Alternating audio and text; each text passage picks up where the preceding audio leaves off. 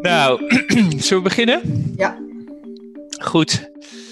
Mijn naam is Siebe de Vries en ik ben uh, hoogleraar Europees Interne Marktrecht aan de Universiteit Utrecht, rechter plaatsvervanger bij de rechtbank Rotterdam en lid van het bestuur van de Nederlandse Vereniging voor Europees Recht. En dit is de tweede aflevering van de podcastserie ter gelegenheid van het 60-jarig bestaan van deze vereniging. In deze tweede aflevering staan we stil bij een meer inhoudelijk thema, namelijk de coronacrisis en de impact van COVID-19 op Europa en meer in het bijzonder op de Europese Unie. En ik doe dit samen met uh, Carolien de Gruiter, die sinds 1999 Europa-correspondent voor NRC Handelsblad is en al ruim 20 jaar over Europa schrijft voor onder meer NRC Handelsblad. Soms vanuit Brussel, soms vanuit andere Europese landen. En met Harry Temmink, die in Brussel bij het Directoraat-Generaal Interne Markt, DG Grow zoals dat heet, van de Europese Commissie werkt. En die onlangs een mooi overzichtsartikel heeft geschreven in het Nederlands tijdschrift voor Europees Recht over COVID-19 en de Europese interne markt. Nou, ik heet hen van harte welkom en stel voor dat we eens gaan kijken naar de invloed, de impact die COVID-19 heeft op Europa en de Europese Unie. En om te beginnen eigenlijk met een terugblik. Kijken naar wat er nou het afgelopen jaar allemaal is gebeurd. Want het is inmiddels al meer dan een jaar geleden dat in China de eerste meldingen van COVID-19 besmettingen werden gedaan. En niet lang daarna drong het virus via Italië de Europese Unie binnen. Als we terugblikken op de afgelopen periode, wat heeft COVID-19 nu met Europa gedaan? En wat is gedaan door de Europese Unie zelf om de coronacrisis het hoofd te bieden? Bijvoorbeeld op het gebied van de volksgezondheid, maar ook op het terrein van de economie en de interne markt. En dan zou ik graag Harry Temmink als eerste het woord willen geven om hier iets over te zeggen. Dankjewel, Siebe ik zal eerst iets gaan zeggen over wat de EU heeft gedaan. Zeg maar in de periode maart, vanaf maart vorig jaar, uh, toen de grenzen dichtgingen en de vrijheden werden aangetast en er eigenlijk sprake was van paniek in de lidstaten. Zonder enig overleg werden de grenzen gesloten en uh, dat was toch wel een schok eigenlijk voor iedereen die bezig is met Europees recht al, al voor vele jaren. En dat is een van de redenen waarom ik dat artikel heb geschreven voor het Nederlands tijdschrift voor Europees recht, dat overigens voor iedereen vrij toegankelijk is met dank aan de uitgeverij Boom. En dat artikel ziet niet alleen op de interne marktmaatregelen, maar ook op de volksgezondheidsaspecten en uiteraard ook met de economische en financiële aspecten van deze crisis en wat Europa daaraan doet. Nu even heel kort, volksgezondheid, dat is natuurlijk waar het hier om gaat. We spreken over een pandemie. Dan weten we allemaal dat er een artikel is in het verdrag, uh, artikel 168 EU, en uh, dat ziet op volksgezondheid in strikte zin, dus uh, op, op ziektes en pandemisch en dergelijke. En we weten waarschijnlijk allemaal wel dat op het gebied van de volksgezondheid de bevoegdheid met name bij de lidstaten ligt. Het optreden van de EU is complementair. We mogen alleen maar stimuleringsmaatregelen treffen op Europees niveau. Dat betekent in de praktijk heel veel soft law. En dat betekent in de praktijk financiële ondersteuning, daar waar nodig uh, bij uh, grensoverschrijdingen, bedreigingen van de gezondheid. Nou, een basisbesluit uh, op grond van die juridische basis is besluit 1082-2013. Daar had waarschijnlijk voor de coronacrisis nooit iemand van gehoord. Maar die is er toch al een hele tijd. En die werd ook al gebruikt in tijden van eerdere pandemies, uh, zoals SARS bijvoorbeeld. Dus uh, die dreiging was er altijd al wel. Maar die is nooit, die is nooit zo actief toegepast als nu. En nou, via dat besluit is bijvoorbeeld het Europees Centrum voor Ziektepreventie en Bestrijding opgericht. Dat heet in het Engels uh, eh, ECDC. Dat klinkt als een Australische rockband, maar het is toch echt een, een centrum, een expertisecentrum voor uh, pandemiebestrijdingen. En het is ook de basis geweest voor het zogeheten Gezondheidsbeveiligingscomité. En ik moet de Nederlandse naam even opzoeken. Uh, dat is eigenlijk een groep van experten, van lidstaten, die continu, ook in deze tijd, bij elkaar zit om te bespreken hoe we nu het best die pandemie aanpakken. Dat is monitoren, dus elkaar op de hoogte houden van uitbraken, uitwisseling van gegevens, maar ook het doen van aanbevelingen. En uh, nou, die aanbevelingen uh, die zijn er allerlei terreinen. Ik geef bijvoorbeeld mee dat er richtsnoeren zijn, zoals uh, voor het afstand houden. Hè. Dat was meteen in maart al een issue, anderhalf meter of twee meter. Nou, daar hebben we als EU richtsnoeren voor vastgesteld. Het opstellen van teststrategieën, gezondheidsprotocollen in hotelaccommodaties. Je kan het zo gek niet verzinnen. Of we hebben daar wel een richtsnoer voor uitgevaardigd. Uh, de ontwikkeling van de corona-app wil ik ook even noemen. Dat is natuurlijk een nationale bevoegdheid, maar het is wel in overleg gebeurd met de andere partners in de EU. En dat heeft ertoe geleid dat we op dezelfde manier de GDPR, dus de, de, de uitleg van de persoonsgegevenswetgeving, hebben bewerkstelligd. Maar ook dat we die app ook grensoverschrijdend kunnen toepassen. Dus ook ondanks dat die nationaal zijn ontwikkeld, hebben we wel voor gezorgd dat die interoperabel zijn zodra we naar het buitenland gaan. Nu, en last but not least is die, dat besluit 1082-2013 ook de basis voor de gezamenlijke aanbestedingsprocedure. Uh, die werd al gebruikt meteen al in maart, april vorig jaar, toen uh, we besloten om gezamenlijk mondmaskers en dergelijke aan te kopen. Dat was niet een onverdeeld succes, maar nu staat dit instrument in, in het centrum van de belangstelling vanwege de inkoop van geneesmiddelen en in dit geval dus van het vaccin voor corona. Maar daar spreken we misschien later nog wel even over. Ja. Ik, ik laat het hier even bij. Dit is de volksgezondheid. Hè? Ik laat het hier even bij. Nou, dat is toch uh, eigenlijk, ondanks, uh, je zou kunnen zeggen, de beperkte bevoegdheden van de EU, eh, die we vinden in het verdrag, heeft de EU toch eigenlijk heel wat bewerkstelligd. Of zie ik dat verkeerd? Misschien dat Caroline de, de Guiter daarop wil reflecteren. Ja, ik denk dat de, dat de EU uiteindelijk een heleboel heeft gedaan. Wat mij van het begin af aan eigenlijk heeft verbaasd, is hoe iedereen voor die interne markt is gaan liggen. Ik woon in Noorwegen, maar we hebben hier gewoon iedere dag bosbessen uit Spanje in de supermarkt gehad, koekjes uit Polen um, enzovoort. Dus die hele uh, Angela Merkel heeft het, heeft het heel mooi uitgelegd. Die heeft echt gezegd: luister, wij zijn zoveel rijker dan een heleboel andere landen. Wij moeten die markt uh, fair uh, en in balans houden. En uiteindelijk is dat ook de reden waarom Merkel een enorme draai heeft gemaakt in de loop van het afgelopen jaar. En heeft gezegd: luister, wij staan er zoveel beter voor dan uh, een land als Italië. Uh, dat ik niet nu Italië geld wil lenen, maar het ook wil geven. Hè? Want uh, Duitse bedrijven en burgers hebben zoveel voorsprong vergeleken met, met Italianen op die interne markt. Dat is gewoon niet eerlijk. Dus dat moeten we compenseren. Die heeft dat heel mooi ook uitgelegd. Je zag echt heel mooi hoe dat ook politiek ging doorwerken. Hè? Terwijl de Italianen zich in het begin, hè, die werden het eerst en ook het hardst getroffen, een van de rijkste regio's van Europa ja, die, die uh, voelden zich in het begin enorm in de steek gelaten door Europa. Dat is in Italië redelijk nieuw. Hè? Die zijn, eh, elke Europese oplossing is voor de Italianen een goede oplossing. Ja. Als het maar niet nationaal is, hè? als hun, eh, hun eigen uh, ja, gebrekkige politieke systeem, krakkemikkige systeem het maar niet hoeft te doen. Europa is altijd beter. Maar in dit geval, mede ook door de Nederlandse opstelling, moet ik er toch wel bij zeggen hard inhakken op, op, uh, op Italië, werd dat echt een groot probleem.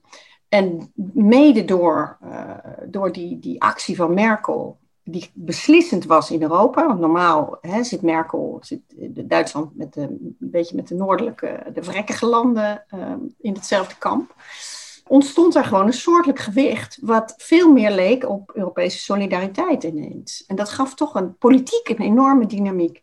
Ik denk dat die, die hele crisis, hoe moeilijk het in het begin ook was, echt een politieke katalysator is geweest. Hiervoor, maar ook een beetje omdat we zagen hoe Rusland en China, en hè, ik zoom nu een beetje uit, maar die, de wereld is natuurlijk toch een beetje onvriendelijk het worden voor Europa.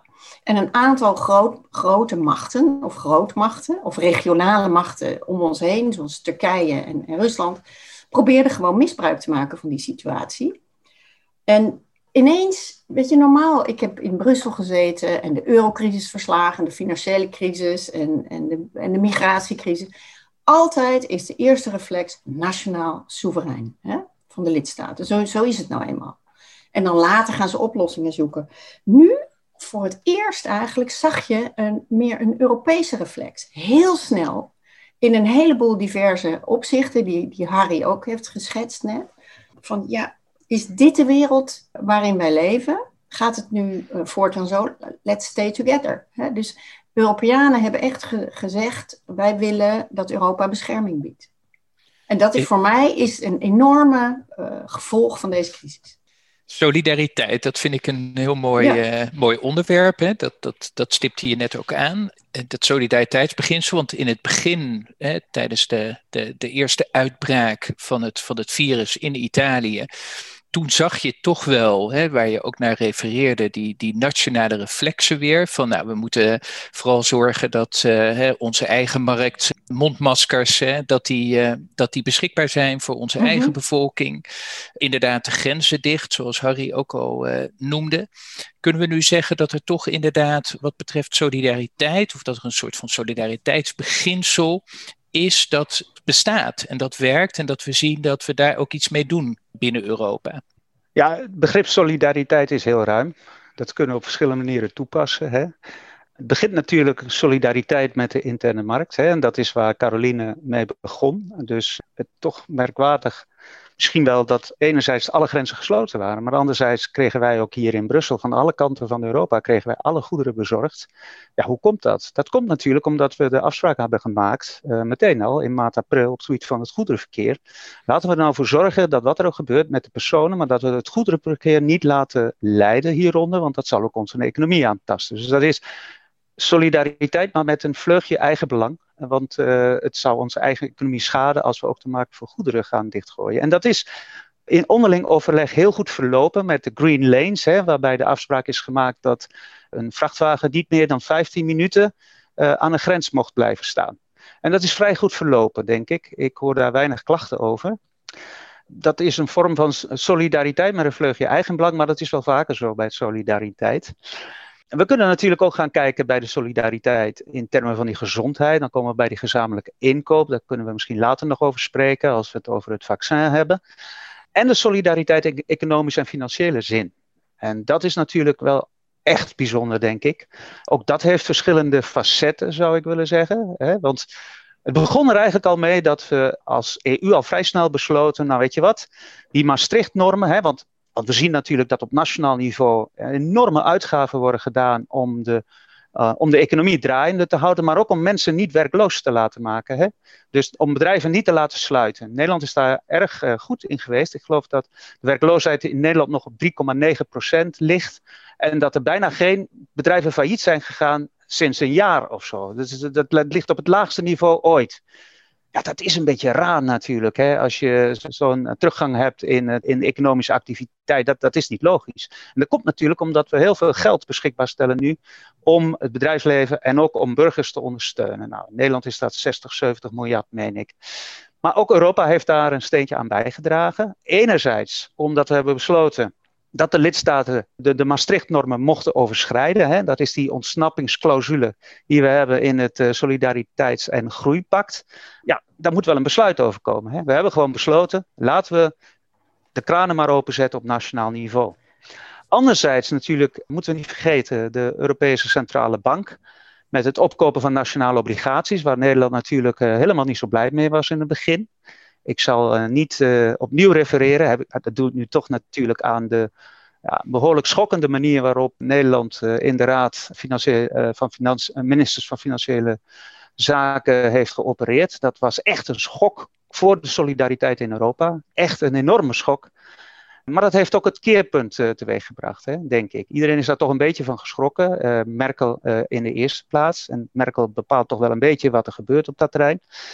Maar goed, de Europese Centrale Bank die, die koopt massief de nationale obligaties op, zodat ook de, de landen die het minder goed hebben in Europa niet in de financiële problemen komen. En dan natuurlijk hebben we het over, dat is het laatste punt, dat is misschien wel het meest interessante punt nu, dat is natuurlijk de begroting van de EU zelf. Ja, het toeval wil dat we net bezig waren met onderhandelingen over het MFF. Hè, zeven jaar, één keer per zeven jaar. Hè, dan wordt de begroting van de EU voor de komende jaren opgesteld, voor de zeven jaren termijn. Hè. Daar waren we net mee bezig en daar werd veel over gebakkeleid. Dat is altijd zo, dat is niks nieuws. Maar nu kwam daar die crisis bij. En de commissie kwam met het voorstel om te zeggen: Nou, weet je wat? Enerzijds moeten we natuurlijk een, een begroting hebben, zoals altijd. Een beetje traditioneel, met het traditionele instrumentarium erin. Maar anderzijds heeft deze pandemie zo'n impact op onze economie dat we misschien ook met een relanceprogramma moeten komen dat losstaat van de reguliere meerjarenbegroting. En dat is het, uh, het nieuwe instrument Next Generation EU geworden. Dat is een enorme operatie. Dat gaat ontzettend veel geld. Hè? 560 miljard euro, als ik het goed heb. Netjes verdeeld over giften en leningen. En dat geld is erop gericht om de overheden te ondersteunen wanneer ze investeringen plegen nu. En dat is het mooie. Niet alleen om bedrijven overeind te houden, want dat, dat gaat op een gegeven moment niet goed komen. Maar met name om te investeren in duurzame ontwikkeling. Dus hier zie je dat die solidariteit eigenlijk ook ons allemaal goed van pas komt, omdat we het geld moeten besteden als overheden in de EU aan één digitale transformatie, dus het uitrollen van 5G, de projecten in de infrastructuur, en anderzijds het groen maken van de economie, de klimaatdoelstellingen bereiken. En dat is misschien nog wel meer bijzonder, want daardoor hebben we heel veel geld beschikbaar om eindelijk eens een keer van die vieze bussen in de centra van onze steden af te komen. Uh, Harry, als we daar uh, misschien straks nog heel even op terugkomen als we kijken naar de toekomst, hè, de vooruitblik, uh, die ik graag ook nog met jullie wil bespreken. Maar ik wilde even teruggaan naar wat we zien, is dat er heel veel geld wordt gepompt in de economie, zowel op nationaal als op Europees niveau. En dat die rol van de staat eigenlijk hierin toch wel aanzienlijk vergroot is. Misschien kan Carolien daar iets over zeggen. Ik denk dat in tijden van crisis. Ik kan het woord, bijna niet horen, want er is bijna geen zin wordt uitgesproken zonder het woord crisis erin. Maar als, als, er, als een crisis bestaat, is dit er toch echt wel een. Dat mensen zich wenden tot datgene wat zekerheid biedt en wat bescherming biedt. En uh, je ziet in een heleboel landen dat bijvoorbeeld populistische partijen tijdens deze crisis, en die komen heus wel weer op, want die vinden wel weer wat, um, maar dat die een behoorlijke klap hebben gekregen. Hè? Want populistische partijen bieden vaak die antwoorden heel snel op vragen die mensen hebben, maar dat zijn niet per se werkbare oplossingen. Hè? Dat zijn vaak slogans. Ja. Uh, en op zo'n moment denken mensen toch van, hmm, laten we maar vertrouwen op de specialisten die we hebben. Hè?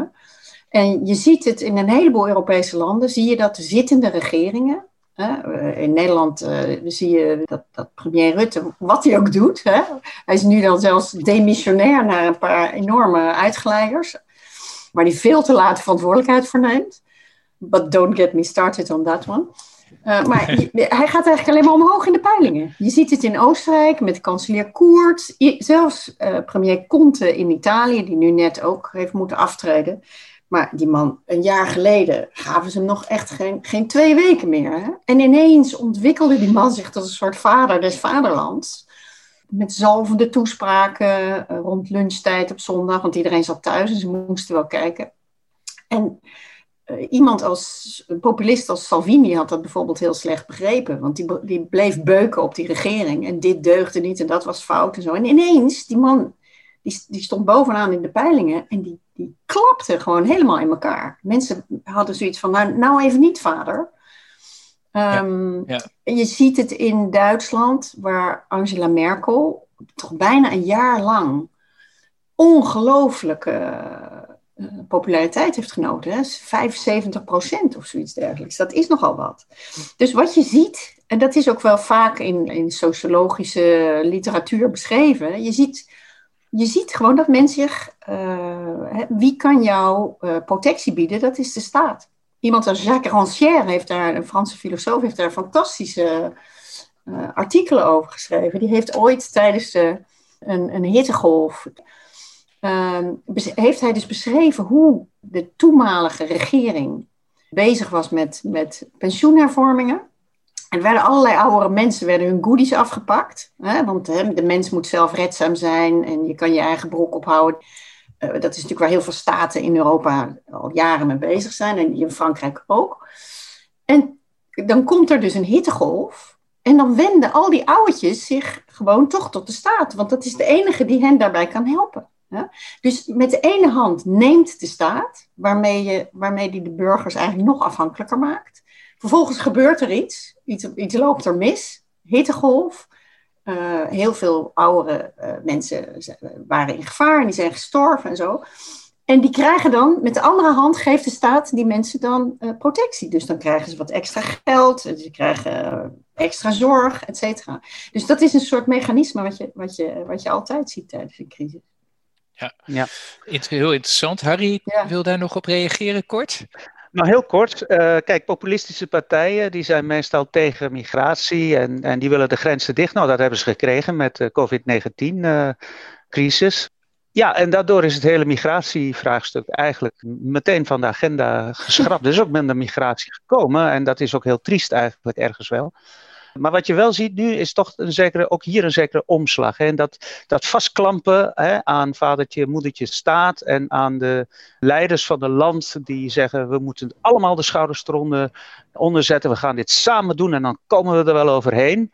Ja, dat werkt voor een tijd, maar dat werkt niet voor altijd. Hè? Dus uh, je ziet nu een zekere COVID-19-moeheid ontstaan in alle landen van de EU. Daardoor ontstaan ook de relletjes. Je ziet het bij zoiets eenvoudigs als een avondklok. Nederland is het enige land waardoor om die reden relletjes ontstaan. Dat was niet gebeurd in maart, april vorig jaar waarschijnlijk. Maar nu wel, terwijl de rest van Europa, uh, allemaal zijn we gewend aan die avondklok. En ik denk ook, en dat is iets wat we in de gaten moeten houden, dat het ergste nog gaat komen. Nou mhm. ben ik niet van nature een doemdenker, maar uh, kijk, nu moeten we binnen blijven en zijn we beperkt in onze vrijheden. En dat heeft een impact uh, bijvoorbeeld onder jongeren. Maar economisch gekeken, en ik kijk toch even met een interne marktbril hier. Economisch bekeken zullen we de grootste problemen nog gaan krijgen. Want ja, die steun wordt een keer afgebouwd. Als zometeen de economie weer open gaat, ja, dan zullen we toch zien dat heel veel bedrijven het niet gaan redden. Die gaan onderuit. En dan is het zaak, uit hoofde van die solidariteit ook, dat Europa met een antwoord komt. En dat is nou juist wat we met die 560 miljard euro gaan proberen. Dat dus is dan, moeten de, dan moeten de lidstaten klaar zijn om al die projecten, die mooie projecten, om die ook uit te voeren. En dat is nog niet zo eenvoudig hoor, kan ik je verzekeren. Dus dat zou eigenlijk nog, een, dat is een onderwerp van veel discussie, wat ik eigenlijk mis in de nationale pers. Het gaat heel veel over COVID-19, maar het gaat heel weinig over die relance-projecten, die we niet alleen op Europees niveau, maar ook op nationaal niveau moeten gaan uitvoeren. Misschien dat Carolien daar nog even op wil reageren. Nou, nee, ik wil eigenlijk nog heel even terug naar wat Harry zei, en heel terecht denk ik, over grenzen sluiten. Als Europa, heel veel mensen hebben het eigenlijk niet door, maar voor het eerst ooit begint Europa dus nu grenzen op te trekken. Externe grenzen. En je ziet daarmee, uh, uh, je ziet daarmee dat, uh, dat Europa een beetje aan het stollen is. Hè? We zijn heel lang zijn we een soort van space geweest. Nadat de muur naar beneden kwam, iedereen kon, ze, kon, de, kon de vrijheden verkennen en diversiteit, et cetera. En niemand kon ooit antwoord geven op de vraag: ja, maar hoeveel landen komen er dan nog bij? Hè? bij de EU? Wie hoort er nou bij en wie niet? Mag Turkije erbij? En wat doet dat met Europa? Al die vragen die zijn eigenlijk steeds sterker geworden in de loop van de jaren. En daar hebben politici ook nooit een antwoord op gehad, want de tijdgeest was van het roaming around, hè? freedom en zo. En mensen hebben daar natuurlijk al een tijdje een beetje genoeg van gekregen. Dat zag je ook tijdens die vluchtelingencrisis. En nu, door die, de, de, de coronacrisis, trekken wij ineens die grenzen op. Hè? We gaan niet alleen reizigers van buiten de EU eh, houden we buiten de poort, althans de meeste van hen. Maar we screenen ook buitenlandse investeringen. We zijn echt een soort pudding die aan het stollen is. En dat maakt waarschijnlijk ook, denk ik, dat het verschil tussen de cosmopolieten en de nationalisten, dat heel erg scherp was hè, de afgelopen 10, eh, 15 jaar steeds scherper, dat dat verschil een beetje aan het afnemen is. En je ziet dus ook dat de populisten nu eh, niet meer meteen exit, exit roepen, maar dat ze eigenlijk nu iets, dat is ook mede door Brexit, hè, dat is ook een grens trouwens, hè, keiharde grens, like it or not, die willen eigenlijk naar Brussel. Die willen niet uit de EU, maar die willen Europa veranderen.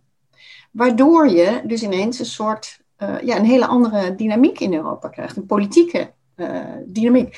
Ik denk dat dat heel interessant is. Ja, ja, helemaal mee eens. Misschien kunnen we daar ook op dit punt, ook in, in relatie tot die uh, relance die Harry noemde, hè, de blik naar de toekomst, daar straks nog heel even op terugkomen. Maar we zien dus dat hè, als we terugblikken, er is veel gebeurd, er is ook veel gedaan door de Europese Unie. Belangrijk is solidariteit, dat we zien dat dat toch uh, gelukkig dat er een, een, grote mate van solidariteit uh, is geweest in Europa. En we hopen dat dat natuurlijk zo blijft voor de, voor de toekomst. We zien inderdaad die grenzen, die zich op een andere manier eigenlijk nu hebben gevormd, meer de buitengrenzen. Um, als we nou kijken, als we nu eventjes naar het nu gaan, de stand van zaken nu. Het is al een paar keer even kort genoemd. De lidstaten zijn nu vooral begonnen met het vaccinatieprogramma, met het vaccineren.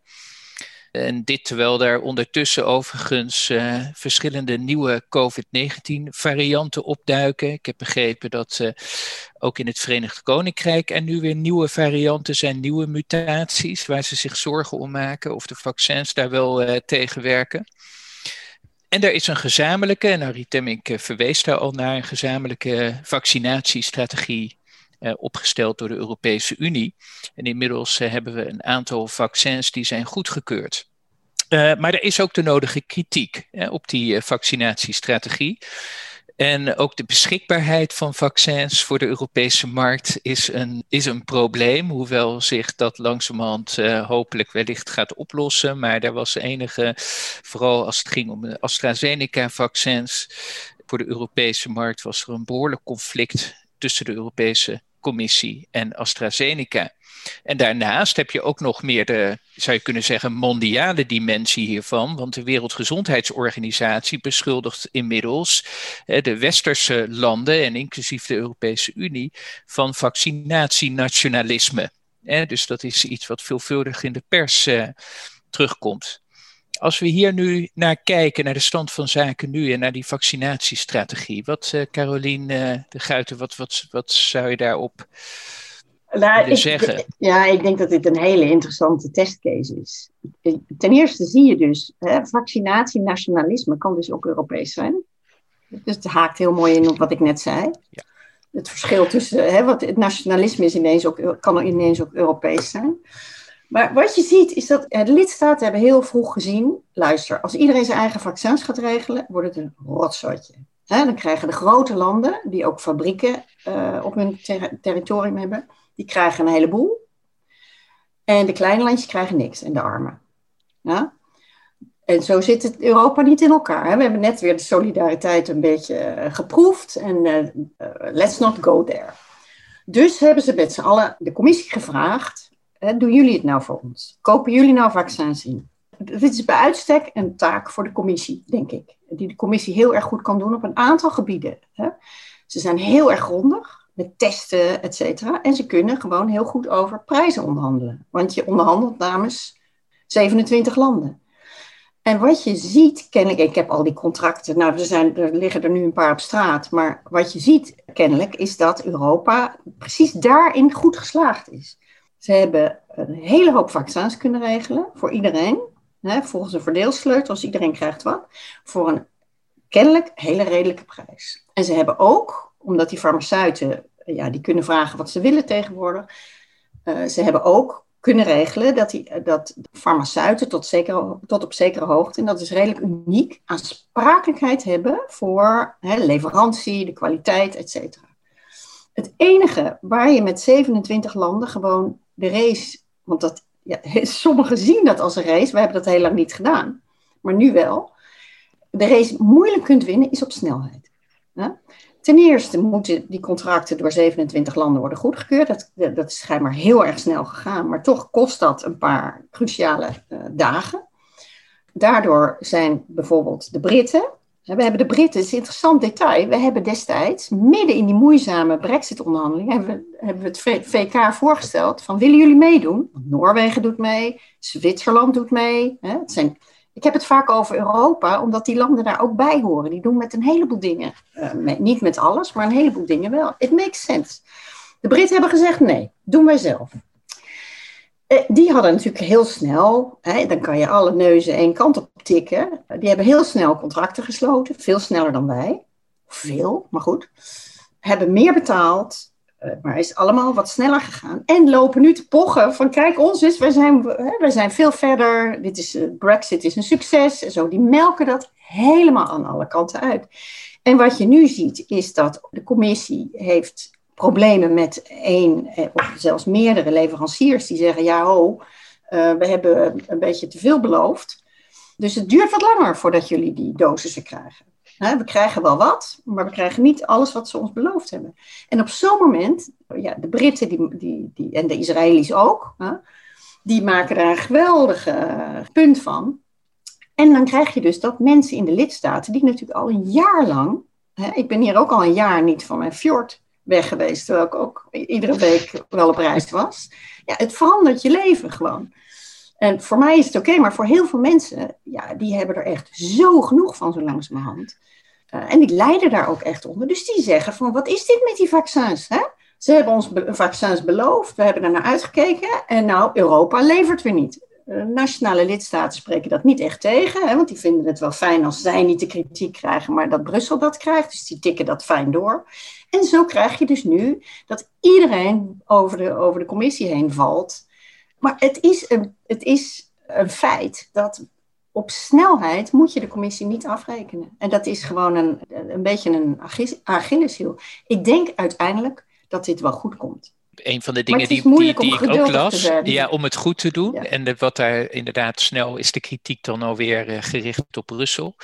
En waar ook onder andere gezegd werd van ja, is de commissie eigenlijk wel in staat hè, uh, geweest om, om dit goed te onderhandelen met, uh, met de farmaceutische industrie? Misschien dat, dat Harry Temming daar ook iets over wil zeggen. Graag. Nou, laten we eerst even een stap terugnemen. Hè. We moeten natuurlijk eerst even kijken, die vaccinstrategie, waaruit bestaat dat nou? Hè? Waaruit heeft dat nou bestaan al sinds uh, maart, april, denk ik? Nou, op dat moment was er helemaal nog geen vaccin en was alle aandacht gericht op het ontwikkelen van het vaccin. Nou, daar heb je heel veel geld nodig en samenwerking uh, tussen overheid en bedrijfsleven. Nou, daar, daar zal niemand uh, tegen zijn.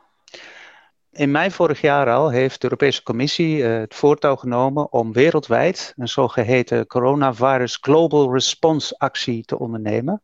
Om geld te verzamelen voor de investeringen, niet alleen in het vaccin zelf, maar ook in de behandeling van uh, corona en in het testen van corona. Dus methoden om sneller te kunnen testen. Nou, daar hebben we uiteindelijk 16 miljard euro voor opgehaald. Alleen al om onderzoek te gaan doen onder leiderschap van de EU, met name de Europese Commissie, en waarbij de EU ook echt 10 miljard zelf in het laadje heeft gelegd. Hè? Dus dat wil ik even vooropstellen. Uh, Europa heeft hier ook een hele bijzondere positie. Dat is mijn tweede punt, omdat weinig mensen weten dat 80% van alle vaccins wereldwijd worden geproduceerd in Europa.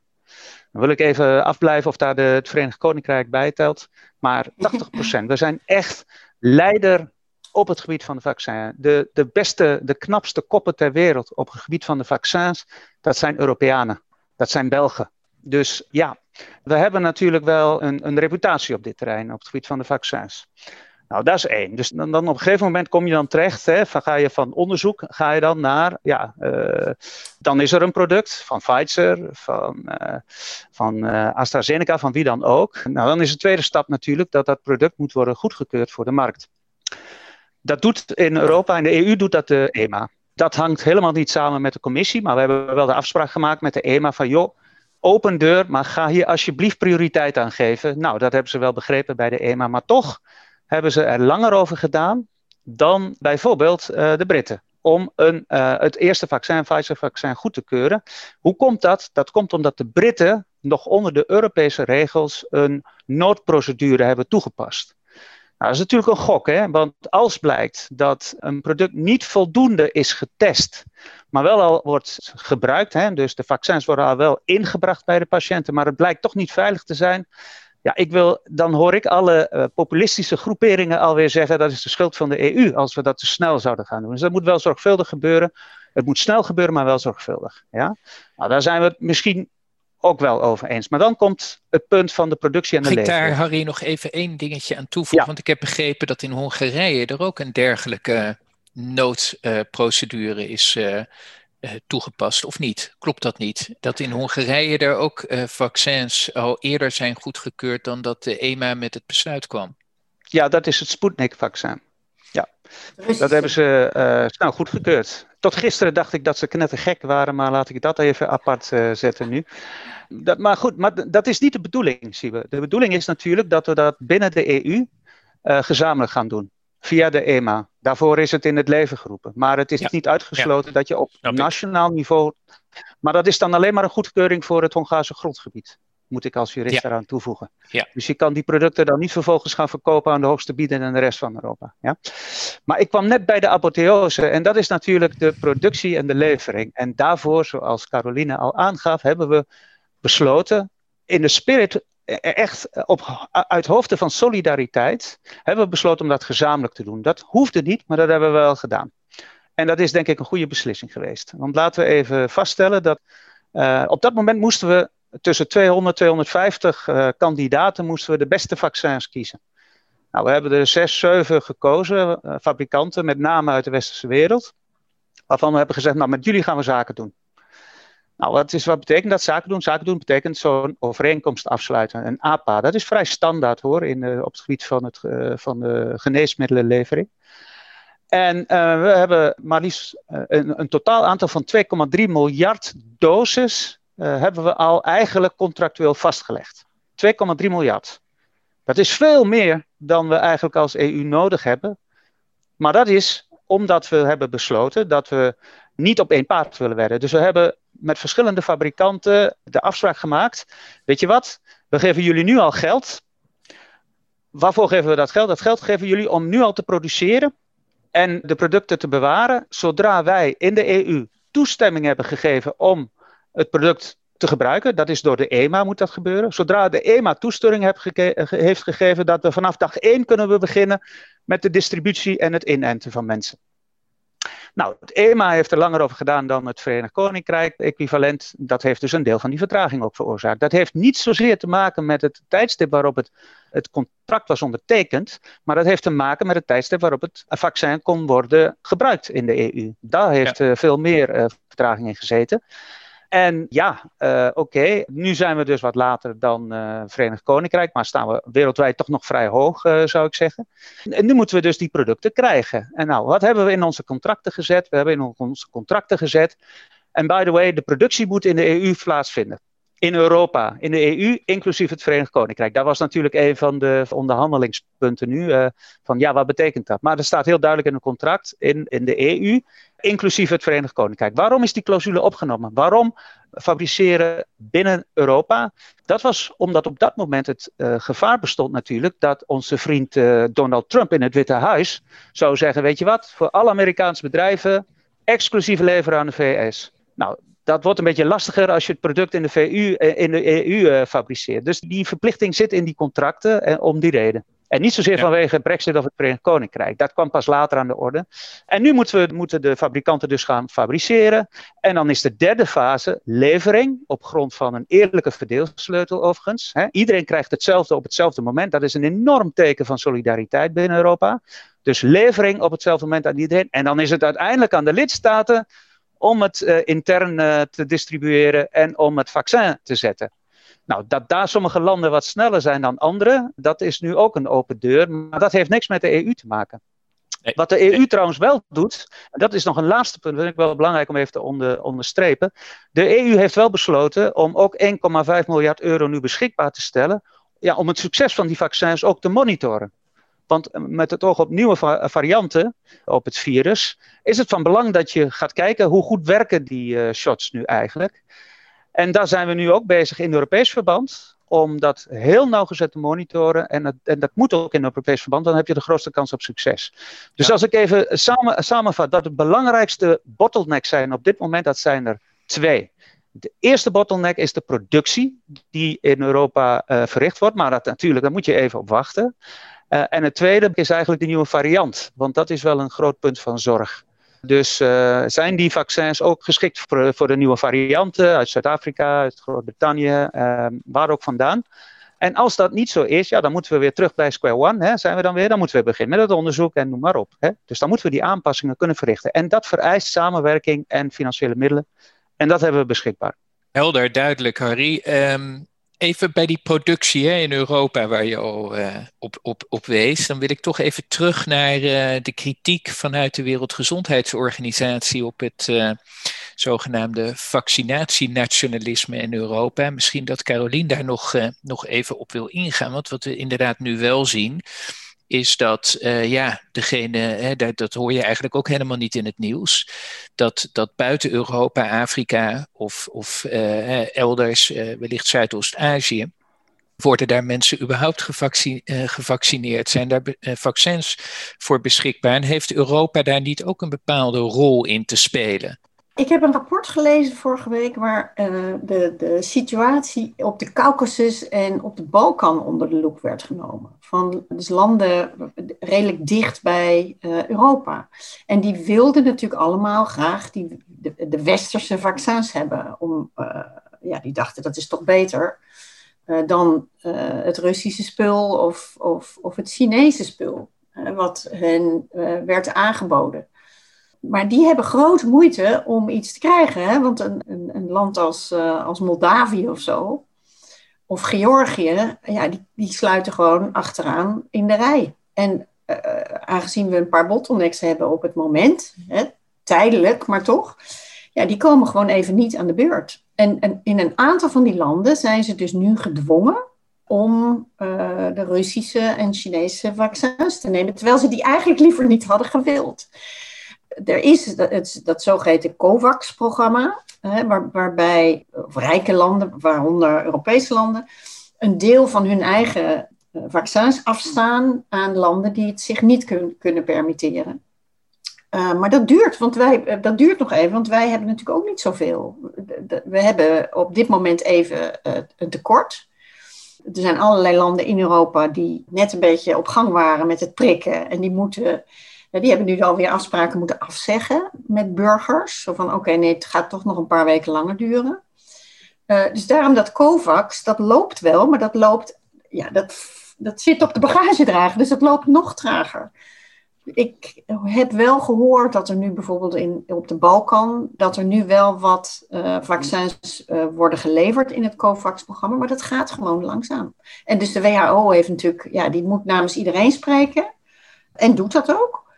En zegt, ja jongens, denk nou niet alleen maar aan jezelf, maar denk ook eens aan die anderen. Overigens is, Europa binnen dat COVAX-programma wel een van de grote trekkers. Hè? Het is een van, de, van de initiatiefnemers, een van de landen die, waar de WHO wel op kan bouwen. Op het commitment, ja, laat maar zeggen. Wat, wat misschien wel ook interessant is, naast dat vaccinatie-nationalisme eh, dan, of dat wel of niet bestaat, is dat zou bijvoorbeeld Rusland of China de invloedssfeer niet kunnen uh, zeg maar versterken door uh, inderdaad nu de vaccins en de vaccinatiestrategie te gebruiken. Uh, juist in die landen die nu afhankelijk zijn van Russische en Chinese vaccins. En hoe zou de ja. EU daar weer op moeten of kunnen inspelen? Je moet even kijken naar wat ze met de mondkapjes deden. Toen wij tekort aan mondkapjes hadden, uh, ongeveer een jaar geleden. Ja, toen gingen, en met name in Noord-Italië, waar, waar, waar, de, waar de toestand echt gierend uit uit de hand liep. Daar kwamen meteen de eerste uh, Chinese vliegtuigen met, met mondkapjes en kennelijk ook beademingsapparatuur en zo. Het grootste deel daarvan werkte niet eens, of werkte niet naar behoren. En de Russen waren nog niet geland, of er kwam ook een, eh, de Chinezen waren nog niet geland, of er kwam ook een Tupolev uit, uh, uit Moskou aanvliegen. Met vlaggen en ik weet niet wat. En alle uh, tv-kanalen die filmden dat natuurlijk. Ja, ik denk dat Europeanen daar best van geschrokken zijn. En dat is toch liever niet wat, uh, wat we nu weer zouden willen. Maar kijk, voor iemand, voor een, een leider als Poetin, hè, die nu zo'n ongelooflijk trammeland uh, heeft vanwege wat hij wat hij aan het doen is met, met Alexei Navalny. De veiligheidstroepen die beuken gewoon op straat oude vrouwtjes in elkaar en zo, met, met, met knuppels. Ja, het zou Poetin natuurlijk nu wel heel erg goed uitkomen als hij weer een paar van dit soort stunts kon optuigen. En niet met mondkapjes deze keer, maar met vaccins. En dit is onder meer wat hij in Hongarije aan het doen is nu. Ja. Nee, dat, uh, Misschien heel kort, Harry, dan nog. En dan gaan we een beetje naar de toekomst. Uh, de blik naar de nou, toekomst. dit is natuurlijk toekomst al. Hè? Maar even heel kort nog over die vaccins. En over vaccindiplomatie. Want daar hebben we het nu over. Uh, kijk, Europa heeft dus 2,3 miljard doses besteld. Dat kunnen we allemaal niet aan. Dat kunnen we, als dat geleverd wordt, dan kunnen we dat niet aan. Dus we houden heel veel over. Wat we overhouden, dat geven we aan derde landen dat is gewoon vastgelegd. Dat gaat naar COVAX. En het is absoluut terecht wat Caroline zegt, dat de EU is eigenlijk de aanjager van COVAX. Dat zijn niet onze vrienden uit de VS. Of zelfs onze Chinezen of de Russen, want die doen alles bilateraal. Wij zijn het geweten van multilaterale samenwerking. En ik denk dat dat heel belangrijk is om te onderkennen. Uh, nog even, we hebben al 2,7 miljard geïnvesteerd trouwens in de vaccinatie. Hè? Dus wat ik eerder zei, we betalen van tevoren. Uh, nou, we hebben eigenlijk al 2,7 miljard betaald voor alle, alle capaciteit die er is. Dat nog even terzijde, zodat je ook kunt begrijpen dat we ook graag willen dat het dan aan ons wordt geleverd. Onafhankelijk wat er met de Britten en anderen is afgesproken. We hebben er gewoon, we hebben al voor betaald. Dus het moet naar ons. Ja, oké. Maar wat over is, dat gaat naar naar derde landen via de WHO. Want wij zijn een betrouwbare partner van de WHO, not, niet, niet als andere landen. En het is absoluut waar dat uh, Poetin en de Chinezen die gaan dit uitmelken tot, tot de laatste druppel. Als ze hier succes mee hebben. En dat zie je inderdaad, het heel typerend. Ook in Venezuela, Hongarije, overal zie je die vrachtwagens met vaccins. Die zie je over de straat rollen. Kijk, dit komt uit China, kijk, dit komt uit Rusland. Waar Europa ontzettend slecht in is. De EU absoluut waardeloos in is, dat is onze PR. We zijn zo slecht in het verkopen van de dingen die we goed doen. Maar dat komt natuurlijk ook omdat heel veel mensen dat niet willen horen. Er zijn heel veel krachten die zeggen nee. Want hoe vaak lees je niet dat hele vaccinbeleid van de EU is één grote chaos. Het, is, uh, het, het deugt voor geen meter. We lopen helemaal achteraan. Dat is helemaal niet waar. Dat is onzin. Het gaat allemaal recht komen.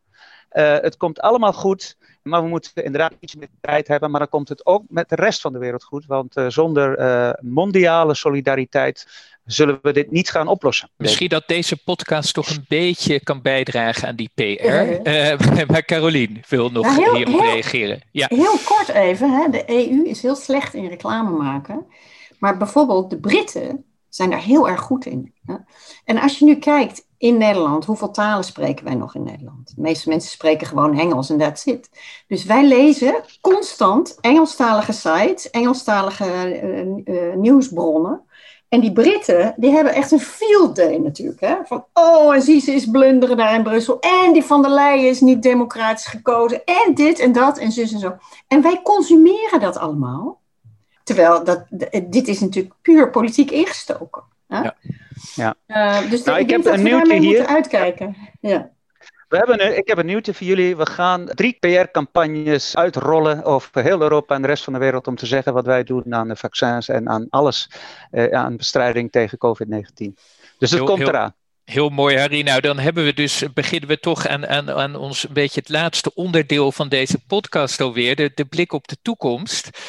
Ja, we hebben al besproken wat COVID-19 eigenlijk ook gedaan heeft, wat de impact is geweest op de Europese Unie, wat, wat misschien COVID-19 aan de EU heeft veranderd, maar ook wat gaat er veranderen. Er zijn al een aantal uitdagingen uh, genoemd. Even korte revue gepasseerd, maar ik zou jullie toch graag willen verleiden om daar nog eens wat uh, dieper op in te gaan, op te reflecteren.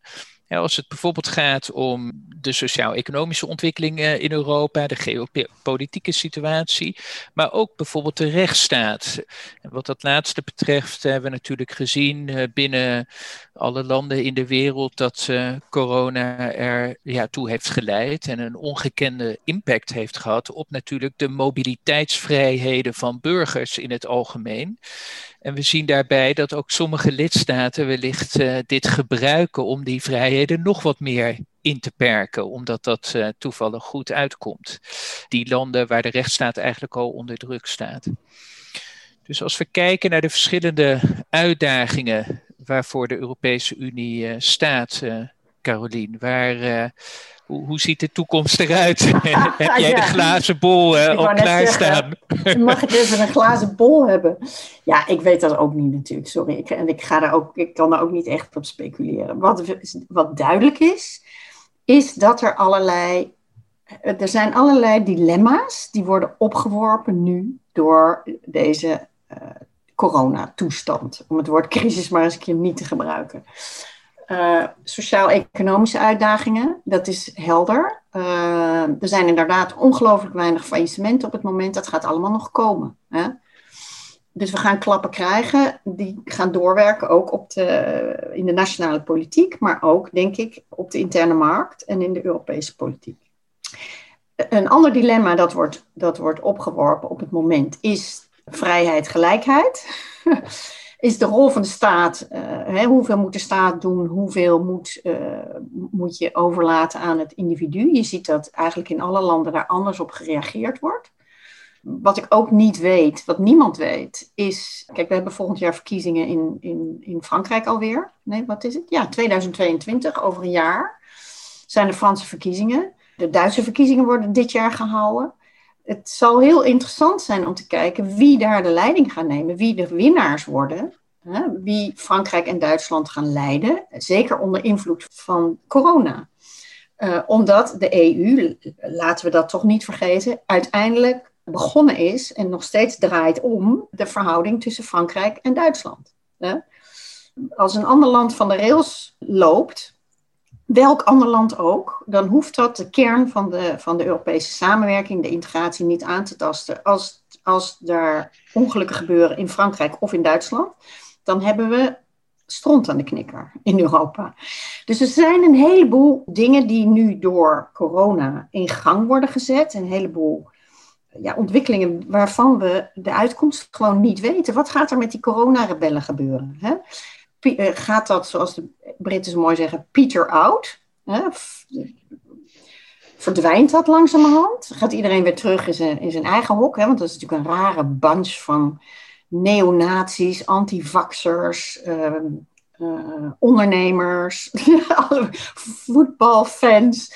Dat is van alles door elkaar. Die mensen hebben niks gemeen behalve uh, wantrouwen in de overheid eigenlijk. En misschien ook wel in elkaar.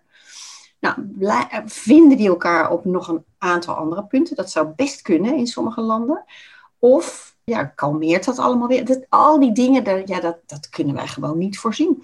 Het enige wat we zeker weten is dat het uh, effect uh, zal hebben het biedt misschien ook een kans hè, voor, voor, voor Europa. Harry noemde dat al even met het Relands-programma, om zich uh, verder te versterken. En juist ook die solidariteit. Hè. Ik denk ook even aan de Gezondheidsunie, die nu, uh, hoewel dat nog in heel beperkte mate is, die nu uh, een voorstel is om, om een Europese Gezondheidsunie in te stellen. Harry, zou jij daar op willen reageren? En ook op wat Caroline natuurlijk net, net zei, de, de uitdagingen. Ja, uitdagingen zijn er op, op verschillende terreinen, dus je kan ze in, eh, in, in blokjes uh, plaatsen misschien wel. Om te beginnen met de, met de gezondheid. Ja, we hebben dus een systeem van uitwisseling van informatie en en monitor en noem maar op. Nou, dat systeem, dat hebben we geëvalueerd en dat moet natuurlijk verbeteren. We moeten beter voorbereid zijn op de volgende pandemie. En dat, eh, dat heet dan, ja, we, hebben, we, zitten nooit verlegen om grote woorden. Dat noemen we dan de Gezondheidsunie, European Health Union. En, en, dat betekent natuurlijk dat we de, de ECDC moeten we beter optuigen. Dat is duidelijk. Hè? We moeten meer uh, bevoegdheden krijgen, misschien ook wel, meer, meer middelen. Maar ook de uitwisseling van data tussen lidstaten, dat kan veel beter. Hè? Dat zijn allemaal technische details misschien, maar dat is wel belangrijk. Uh, maar iets, iets nieuws uh, wat we nog niet hebben gezien, dat is dat de commissie nu heeft voorgesteld om een soort van overkoepelend agentschap op te richten, juist om de onderwerpen die we vandaag hebben besproken, om die beter uh, in betere banen te leiden. En dat gaan we kopiëren vanuit de Verenigde Staten. En hier gaat het heten de, de HERA, de EU Health Emergency Response Authority. HERA. In Amerika heet dat, uh, geloof ik, BADA. En dat is eigenlijk een agentschap dat erop moet toezien Uh, niet zozeer alleen voor pandemies, maar ook bijvoorbeeld voor dreigingen op het gebied van uh, bioterrorisme of nucleaire problemen, nucleaire rampen. Dus eigenlijk een soort voor, voorbereid zijn op rampen, inclusief pandemies. En dan moet je een agentschap hebben dat met name het monitoren, maar ook het, het in goede banen leiden van essentiële producten, zoals vaccins. Uh, de productie, de hele value chain eigenlijk, zoals we die eerder besproken hebben, daar moeten we beter op voorbereid zijn. Het, het, het, af, het, afsluiten van die contracten, de expertise daarvan, die overigens niet alleen van de commissie komen, maar ook van de lidstaten, dat moeten we beter re reguleren. En daar komt dus een nieuwe agentschap voor. Een nieuwe toezichthouder, zou je haast ook kunnen zeggen. Uh, een volksgezondheid toezichthouder, maar dan samen met de lidstaten. En dat heet HERA. Dat, dat is een belangrijke ontwikkeling. Ja. Uh, als we dan gaan kijken naar uh, de toekomst uh, ja, voor de interne markt. Ik denk dat voor de interne markt op zich moet je toch concluderen dat we dat redelijk voor elkaar hebben. Hè? die regels die kennen regels en uitzonderingen. Dus de regelgeving bestaat uit regeltjes, vrij verkeer, eerlijke mededinging, uitzonderingen. In sommige omstandigheden mag je grenscontroles instellen, mag je je bedrijf ondersteunen. Kunnen we crisiskartels hebben. Nou, dat zijn tijdelijke situaties. En ik denk dat dat op een gegeven moment wordt afgebouwd. En dan tot de volgende crisis natuurlijk. Maar dan hebben we wat meer ervaring. We hebben de financiële crisis gehad. Daar hebben we heel veel ervaringen op gedaan. Met, met crisiskartels en zo. En, en hoe tegen het bankwezen om te springen. Nou, nu hebben we weer een nieuwe ervaring. En dat nemen we mee naar de toekomst. Uh, en het laatste punt dat je aanstipte, uh, Siebe, is, is de rechtsstaat. Hè? Uh, dat is niet iets van vandaag op morgen. Hè. De zorg over de rechtsstaat, dat is iets wat al, al jaren heerst. Uh, met name lidstaten zoals Hongarije en Polen. En wat gebeurd is in deze COVID-situatie is natuurlijk dat handige politici in met name Hongarije, moet ik zeggen, ja, die maken misbruik van de noodsituatie door die maatregelen die zijn bedoeld Juist. om tijdelijk te zijn, nou, die worden dan permanent. En het systeem van checks en balances met een parlement, nou ja, dat wordt overboord gezet. Ja, en daar moeten we als EU goed op toezien. En daar moet ik een pluim geven aan Nederland. Daar heeft Nederland zich ontzettend voor ingezet bij de onderhandeling over de relance. En het feit dat we nu die uh, zogeheten conditionaliteitsverordening hebben. Goed, het is, het is wat het is. Het is, het, is een eerste aanzet, maar het is dus een, een, een, een verordening die bepaalt dat als een lidstaat de Europese fundamentele waarden niet respecteert, dan kunnen we besluiten om die financiële contributies uh, voor de relance om die te stoppen. En natuurlijk, eh, er is een dikke discussie over wanneer er dan een inbreuk is op de rechtsstaat. Hè? Wanneer is dat? Is dat wanneer de Hongaren en de Polen hun eigen regeltjes niet volgen? Ja, dan is het uh, niet zo ingewikkeld om de rechtsstaat te handhaven. Nee, het gaat er natuurlijk om dat ze met name de onafhankelijkheid van de pers, de onafhankelijkheid van rechters, dat soort Europese waarden, dat ze die uh, respecteren. En als dat niet gebeurt, ja, dan zien ze uh, het risico dat het, de geldkraan dicht gaat. En dat kunnen zowel de Hongaren als de Polen zich niet veroorloven. Ja. Dus we zullen zien, dat is een goede ontwikkeling. Maar voor de rest, ja, rechtsstaat heeft heel veel facetten van desinformatie, hè, de infodemie. Hè, dus alle, al het fake news over COVID-19, hoe, hoe pakken we dat in de toekomst aan? Uh, daar zijn we mee bezig samen met de online platforms, de social media. Ook daar zie je ontwikkelingen. Hè? Ook ja. met het oog op wat er in de PS is gebeurd natuurlijk. Dat nemen we allemaal mee uh, voor de toekomst. Ja, dus ook daar inderdaad op dat punt is Europa actief. Hè, weet ik van de Digital Services Act voor bijvoorbeeld. Het voorstel wat er nu ligt om daar ook uh, aandacht aan te schenken. Misschien wil Caroline nog even reflecteren op wat, wat, wat Harry net nou, zei. Ja, wat, wat toch wel interessant is, hè? ik heb een, vanuit Brussel de financiële crisis, de eurocrisis en de vluchtelingencrisis uh, gecoverd. Ja. En nu hebben we dit. Wat je toch steeds ziet, is dat de lidstaten eh, en de leiders iedere keer heel erg moeizaam moeten onderhandelen om dingen op te tuigen. Want hun instinct, in de meeste gevallen, zegt hen: we willen dit nationaal houden. Maar op het moment dat ze echt zien dat ze beter af zijn, als ze toch die volgende stap zetten, je zag het met de euro, je zag het met toezicht op Europese banken of andere banken, je zag het, al die dingen, eerst maken ze van alles Europees en vervolgens lopen ze dus tegen een, een, snoeihard probleem aan dat hen dwingt om verder te integreren. daar hebben ze dan geen zin in. En dan maken ze eindeloze ruzie en uh, marathon toppen in Brussel. Dan kwam ik om zeven uur ochtends nog een keer thuis en zo. Dat werkt. Dan zaten de kinderen al aan het ontbijt. En dan uiteindelijk dan kijken ze met z'n allen in die afgrond en dan denken ze nee, het is ons toch te diep. Dus dan gaan ze toch compromissen sluiten. En je ziet dat hier dus nu ook weer. Hè? En ik denk ook, het is toch let's, let's stick together. Dat, hè, iedereen zegt ook altijd, ach, die Europese agentschappen, waar is dat goed voor? En uh, dat kunnen we heus allemaal zelf. Nee, dat kunnen we dus kennelijk niet, anders hadden we nu niet zo in de, in de penarie gezeten. Dus dan tuigen we dat toch maar weer op. En dat is een dynamiek die je alsmaar ziet. En die, je, die mij eigenlijk ook geleerd heeft want steeds als je weer krantenkoppen krijgt, hè, uh, dit is het uur U voor Europa, make or break, uh, summit in Brussels, dat soort koppen. Alles wordt gepresenteerd als een, als een existentieel probleem, maar uiteindelijk valt dat toch wel mee. Hè? Wat je ziet is dat gewoon de 27 willen dit gewoon niet kapot laten vallen. En dat is wat je in deze crisis ook weer ziet. Ja. Ik, ben, ik heb net een boek geschreven over de vergelijkingen. Het is een soort vergelijking tussen het Habsburgse Rijk en de Europese Unie. Het Habsburgse Rijk heeft zijn buitengrenzen opgetrokken in de 18e eeuw, eind 18e eeuw, door een gezondheidscrisis. Doordat er vanuit het Ottomaanse Rijk, het Turkse Rijk, allemaal besmettelijke ziektes kwamen. Die grenzen waren gewoon compleet open, poreus. Iedereen uh, trok uh, erin en eruit en zo. Allemaal even goede vrienden. En op een gegeven moment, door een gezondheidscrisis, zijn ze dus begonnen met allemaal uh, grensposten op te tuigen. En dan moest je speciale quarantainegebouwen. En daar kwam een hele industrie uit voort. Die grenzen moesten bewaakt worden.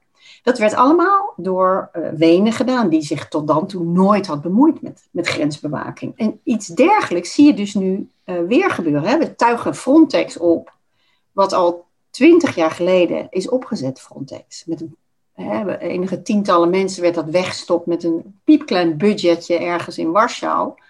Weer dat verhaal van, ja, dit is een Europees agentschap voor de grensbewaking, maar ze moeten niet te machtig worden. Ik hoor het die ministers nog zeggen van Binnenlandse Zaken, toen ze daarover besloten.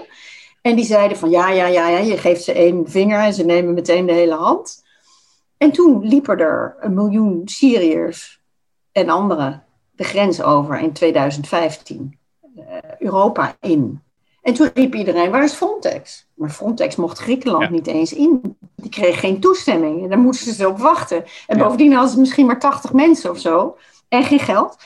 Nou, dus nu krijgt Frontex ineens, daar wordt nu aan gewerkt.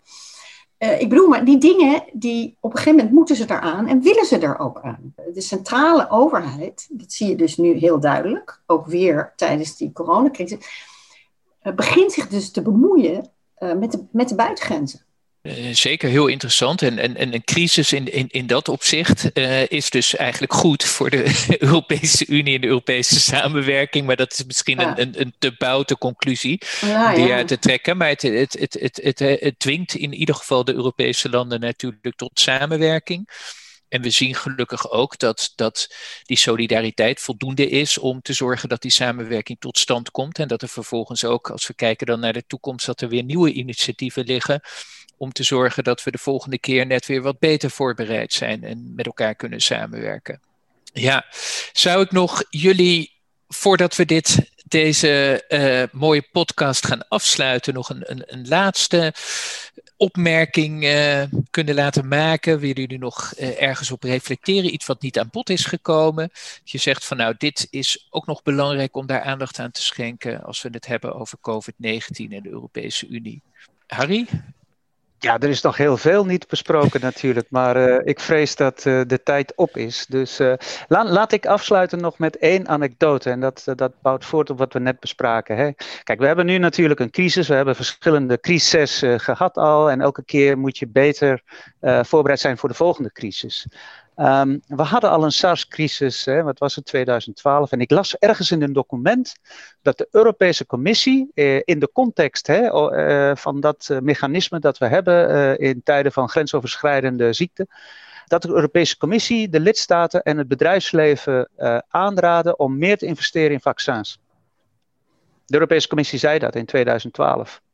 Uh, of daaromtrent. Ja, uh, aangezien uh, op dat moment misschien de aandacht was verlegd naar andere zaken, zie je dan dat daar geen follow-up uh, aan is gegeven. Dus laten we hopen dat we nu wel leren van deze existentiële problemen. Hè? Want we hebben het nu over alles eigenlijk, hè? inclusief onze eigen uh, volksgezondheid. Dus dit is, een, dit is misschien wel de belangrijkste crisis uh, sinds de Tweede Wereldoorlog wat dat betreft.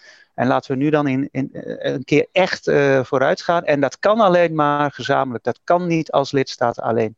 Ja, Veel dank, Harry. Carolien. Ik sluit me daar van harte bij aan eigenlijk. Wat je, het is natuurlijk niet toevallig dat er nu allerlei discussies worden gevoerd over hè, strategische autonomie en Europese soevereiniteit en zo.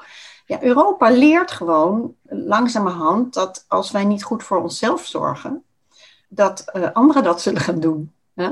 Dus de vraag is een beetje voor ons, ook op het gebied van de volksgezondheid, uh, laten wij toe, worden wij een soort uh, speelveld waar anderen hun belangrijkste zetten op doen, hè? Waar, de, waar de VS en China uh, hun, hun uitvechten bijvoorbeeld. Of staan wij ons mannetje?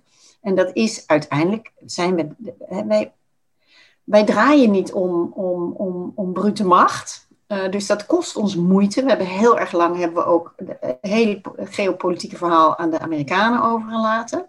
Nou, daar kunnen we ook uh, niet echt meer op rekenen, want de Amerikanen kijken naar uh, Azië grotendeels.